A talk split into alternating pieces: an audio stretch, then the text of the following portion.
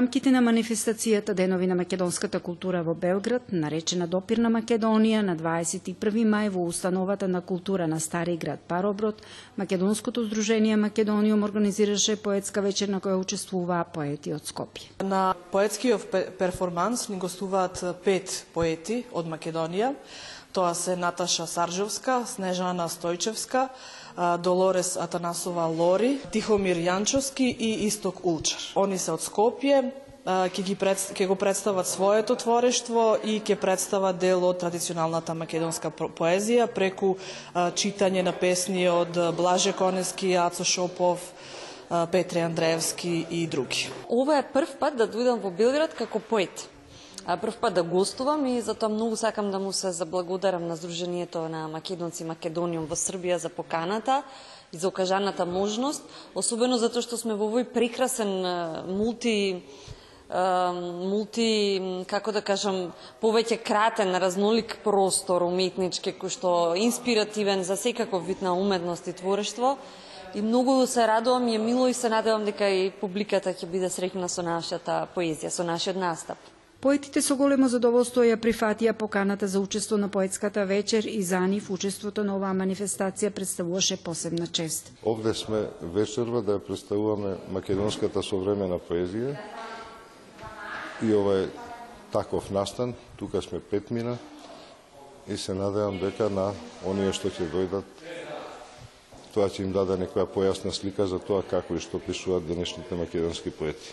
Особено задоволство ми е токму во очи на големиот празник Свети Кирил и Методи да ги означиме еден дел од програмата, да ја означиме со современа македонска поезија, која во моментов е во доста голем подем.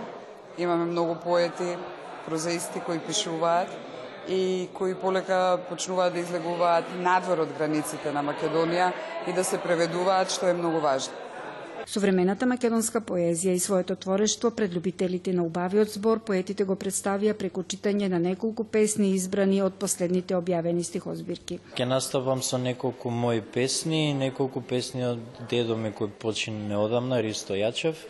А, концептот се договоривме да биде дел, да прочитаме дел од нашето творештво, дел туги, тоест од некој друг македонски автор. Е, тоа тоа ќе биде тоа ќе биде она што ќе го чуете што ќе го чујат гледачите вечерва сетителите во оваа книга што ја носам со себе има некои мои понови песни а тоа што ќе прочитам од дедо ми се некои негови постари, пораното негово творештво. Тие песни што ќе ги прочитам се уште не се објавени, што се мои, освен во, во избор каде што се застапени некои други автори што денеска ќе читаат Имено Наташа Сарджовска е внатре и Тихомир Јанчовски со по неколку песни.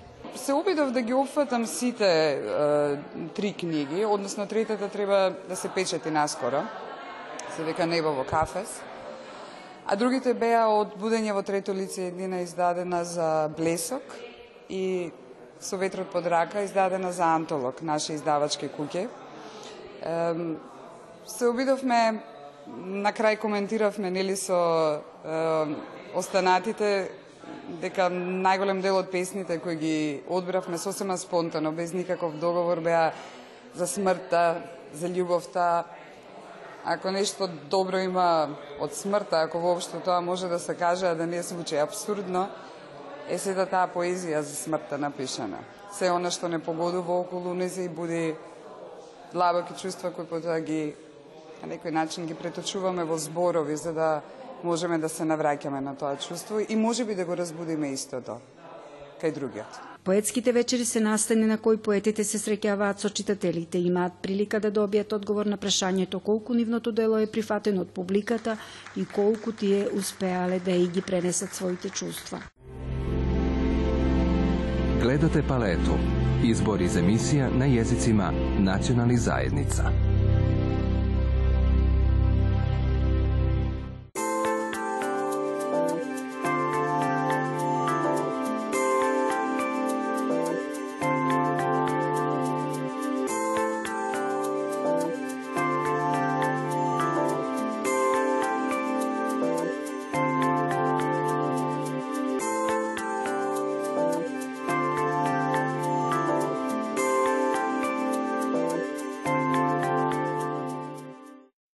Дамјан Карамфилов е млад поет кој живее и работи во Скопје.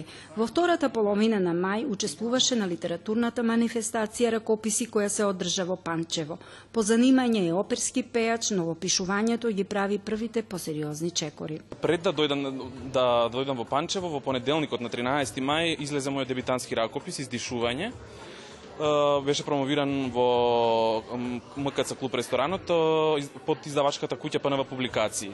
Тоа е мој прв дебит, ракопис збирка поезија. Неговите песни објавени во зборникот на поезија и кратка проза ракописи 42 го изненадија и охрабрија и понатаму да пишува. Ова беше еден, едно такво храбрување ветер во, во грб што се вели дека да, се надевам, не се надевам, него со сигурност ќе ќе продолжам да да пишувам пошто е на вистина голем поттик, затоа што по објав воопшто не очекував дека ќе и овој влегувањето на овој конкурс на на на, на рукописи е за мене на вистина голем голема мотивација да да се продолжи да се работи затоа што тоа што го пишувате некој го препознал, го вреднува и е добро. Тоа, тоа е најбитно за еден млад автор, ми се чини. Во зборникот се застапени мали прелудиуми. Тоа се збир на, на, на четири мали парчиња кои се одвиваат во, во, во еден ден, во едно деноноќие и како што течел денот од сабајлето до вечерта се се собрани во тие мали прелудиуми. Испразни го паричникот на сајмот за книга и нема повеќе да ти тежи. Мирувај джебу во месецот што следи ќе си, го нап... ќе си ја наполниш душата со театарско гостување од Русија, ќе дишеш од магичната прашина и на излегување ќе сватиш дека ти сепак не заминуваш со нив за Таганрог. Со мирен чекор и ветер од задгрб, мирисот на полен се подбива со мене. Вечерите одамна не биле олку едноставни и убави. Сепак можело поинаку. Секогаш може. Повторно со прашање. А нас кога ќе не биде? Уште колку има до тоа ќе не биде? Неговото представување на промоцијата на зборникот во Панчево ги воодушеви присутните во салата.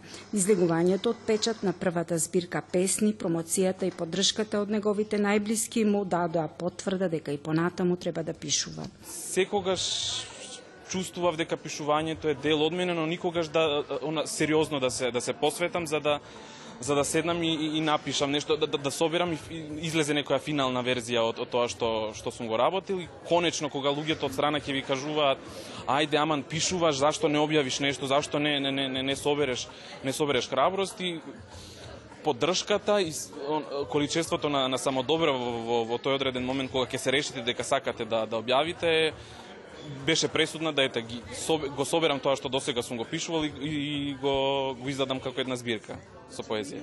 Понатаму ќе ќе видиме како ќе се како ќе се одвиваат работите, но сепак да не застанувам со пишувањето. Знаете, тоа не е не е некоја шалтерска работа во која во континуитет ја ја работите и е нешто сувопарно, се работи за инспирација, се работи за за моменти кои до вас судираат, допираат и едноставно тоа излегува преку стих во во, во поезија. Темите во неговите песни се од секојдневниот живот, а идеите доаѓаат сами во секое време. Сето тоа кај нашиот соговорник многу зависи од моменталното расположение. Тематиката секогаш нели за еден автор варира. Моменталната инспирација на, на, на еден автор кога кога пишува е нешто што што знаете не бирате, тоа едноставно доаѓа и го, го, го ставате на хартија и после тоа го преработуваат и добива некоја фин, финална форма, да кажеме, рамка во која гледате дека тоа е тоа што сте сакале да го кажете и да, да, да поентирате со, со стихот. Со големо трпение и упорна работа совладувајќи ги пречките поетот Дамјан Карамфилов полека ја исполнува целта која поставил пред себе. На тој начин го трасира и патот кон неговиот успех. За почеток, освен поддршка, има и успеси кои ќе го бодрат во тешките моменти.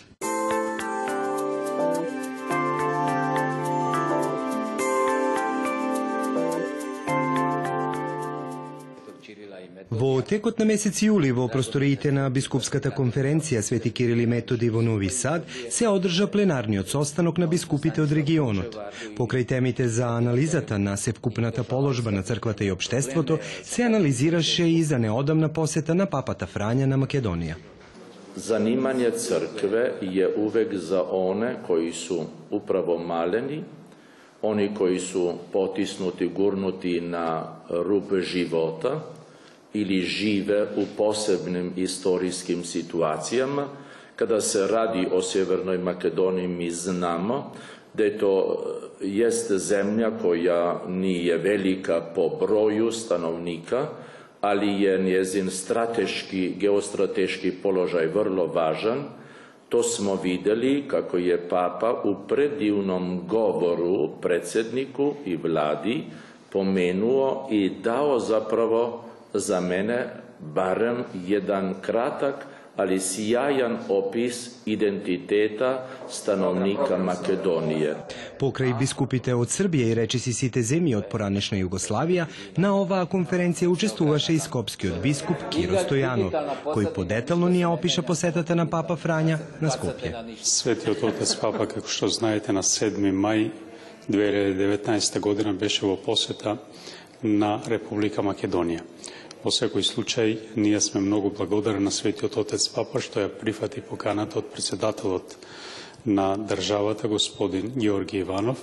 Меѓутоа, вие добро знаете дека Светиот Отец Папа, кога посетува една држава, сепак тој има улога на поглавар на една црква, односно католичката црква, а воедно е и суверен на една држава и сосема разбирливо поканата оди и од страна на црквата и од страна на државата. Светиот Отец Папа од самиот почеток на неговиот избор за папа јасно даде до знаење дека за него е секој човек битен, па и секоја мала држава или малобројна заедница.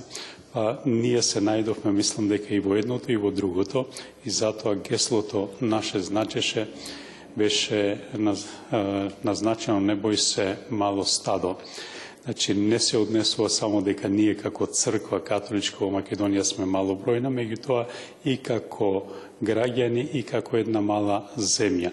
Но на Светиот Отец Папа тоа не му сметаше, тој јасно рече дека за него се битни и тие кои што се наоѓаат на периферијата, па сметам дека и ние сме дел од тие. Светиот Отец Папа беше во една дневна посета на Македонија, дојде во раните утрински часови. Неговата прва посета беше на државниот врв, кај председателот во неговата резиденција, каде што се сретна и со председателот и со премиерот, меѓутоа си со останатите од државниот врв, како и со дипломатскиот кор.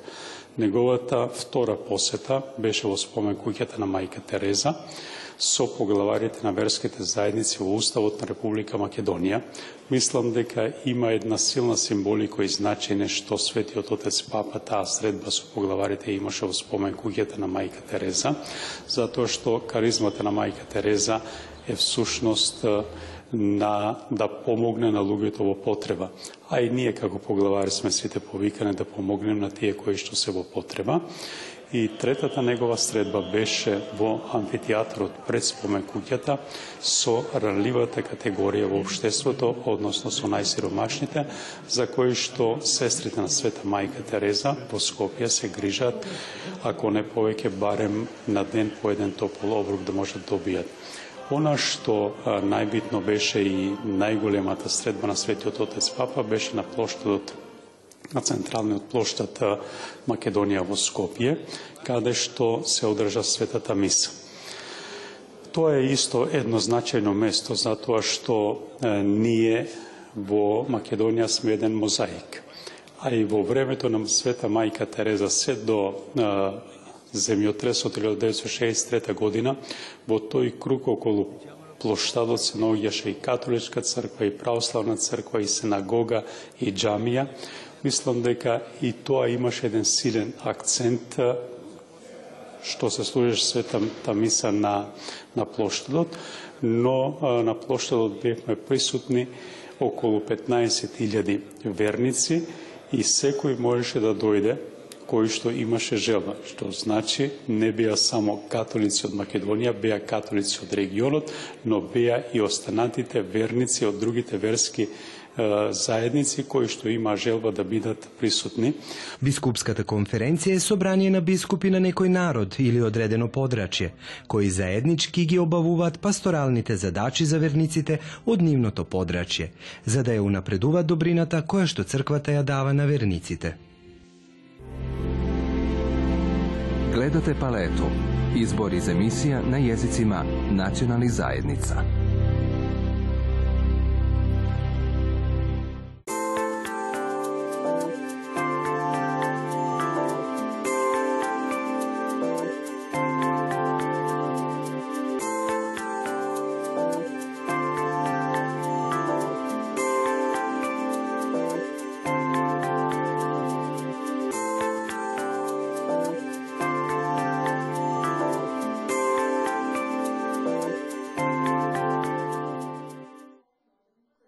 Рамките на манифестацијата Денови на македонската култура во Белград, во галеријата на Установата за култура на Стари град Пароброд, беше отворена самостојна изложба на слики за двиножитото на реномираната македонска сликарка од Скопје Калина Брајковска. 19 платна понесов од Скопје за оваа изложба.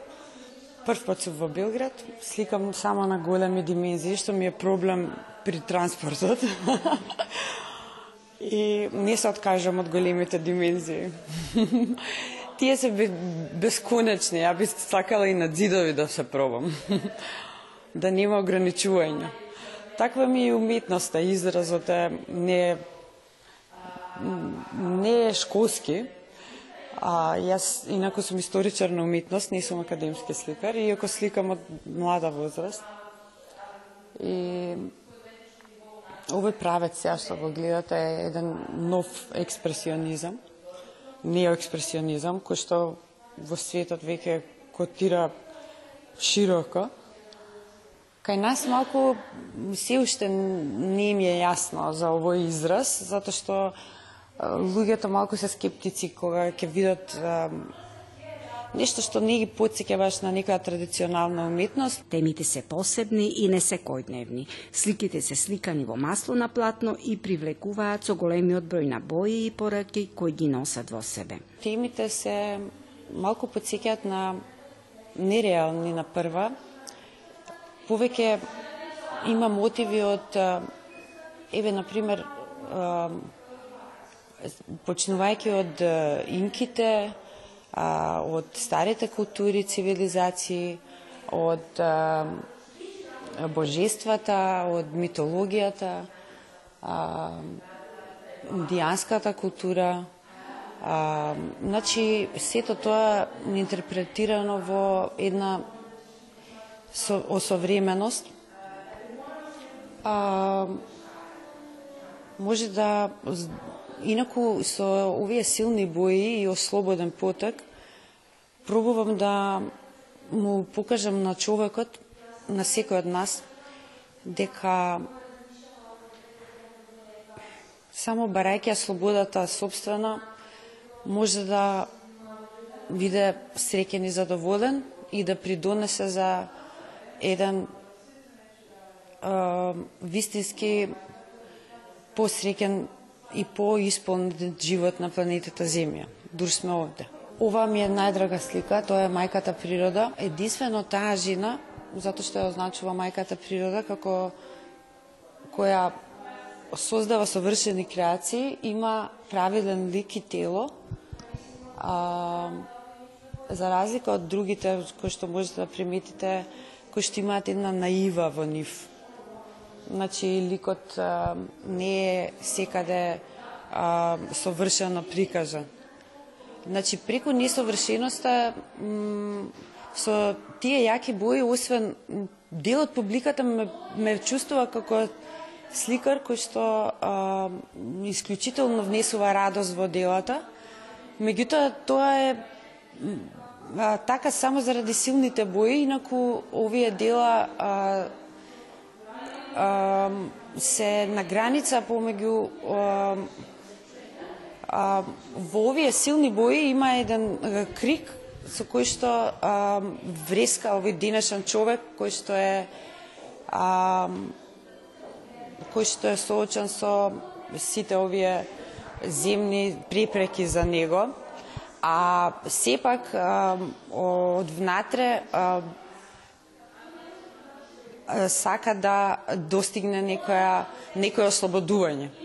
Незините дела се преполни со символи кои наблюдувачите ги предизвикуваат да се потрудат и да откријат што се крие зад нив. Јас како историчар на уметност употребувам многу символи, подсвесно најверојатно, од сето тоа што сум се сретнала од сите тие книги, додека сум студирала и потоа. И а, подобро ми е кога а, публика, значи онаа публика која што не може одма на прва да ги разбере тие символи, ја работам многу со символи, а, значи подобро е кога најпрво ќе исчита нешто како водич за мојата уметност, за да може да Инаку на прва на сите боите им паѓаат во очи. Така ме, ми го препознаваат стилот. Јас без да имам 200 бои во палетата не седнувам да сликам. Инаку сликам масло на платно исклучиво. И ова овој релјеф не е со ништо помаган, со никаква паста, само тоа е само боја. И тоа е малце и скапа а, како да кажам, а, ба, има големите платна и бојата ме а, не можам да се откажам од нив. Јас така така се изразувам. Сите ми кажат зашто ставаш толку боја, зашто ова, јас сакам кога кога е натрупано и со бои, со форми за да излезе тоа што сум јас. И начинот на кој ги слика своите големи платна оваа сликарка е посебно интересен. Тоа го покажуваат енергичните линии и тоновите на боите. Јас ги работам со четка, значи исклучиво со раце сликам.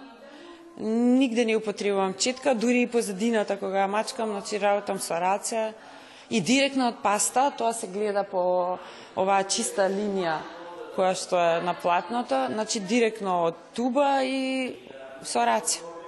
Не употребувам други средства. Никогаш работам еден ден една слика, никогаш работам еден месец една слика, се навраќам повторно на платното, се додека не вика платното доста.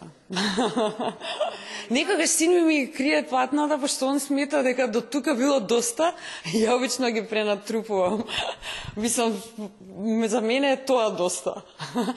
дека го има многу за туѓо око можда многу. Совети од луѓето и сликарите да го прочисти стилот нашата соговорничка не прима. Се обидува да примени некои сугестии, но според неа сето тоа е неуспешно, бидејќи десетгодишното сликање веќе го оформило нејзиниот стил. На денешно време да се биде уметник е, знаеме сите, не е баш едноставно многу врати ти се затвараат, но ти се отвара онаа врата е, од душата и тоа е најбитно. За Калина Брајковска многу е важно да биде своја и слободна и да го оправда своето постоење, а големиот број на самостојни и групни изложби и присуството на нејзините дела во јавни објекти го потврдуваат нејзиниот успех.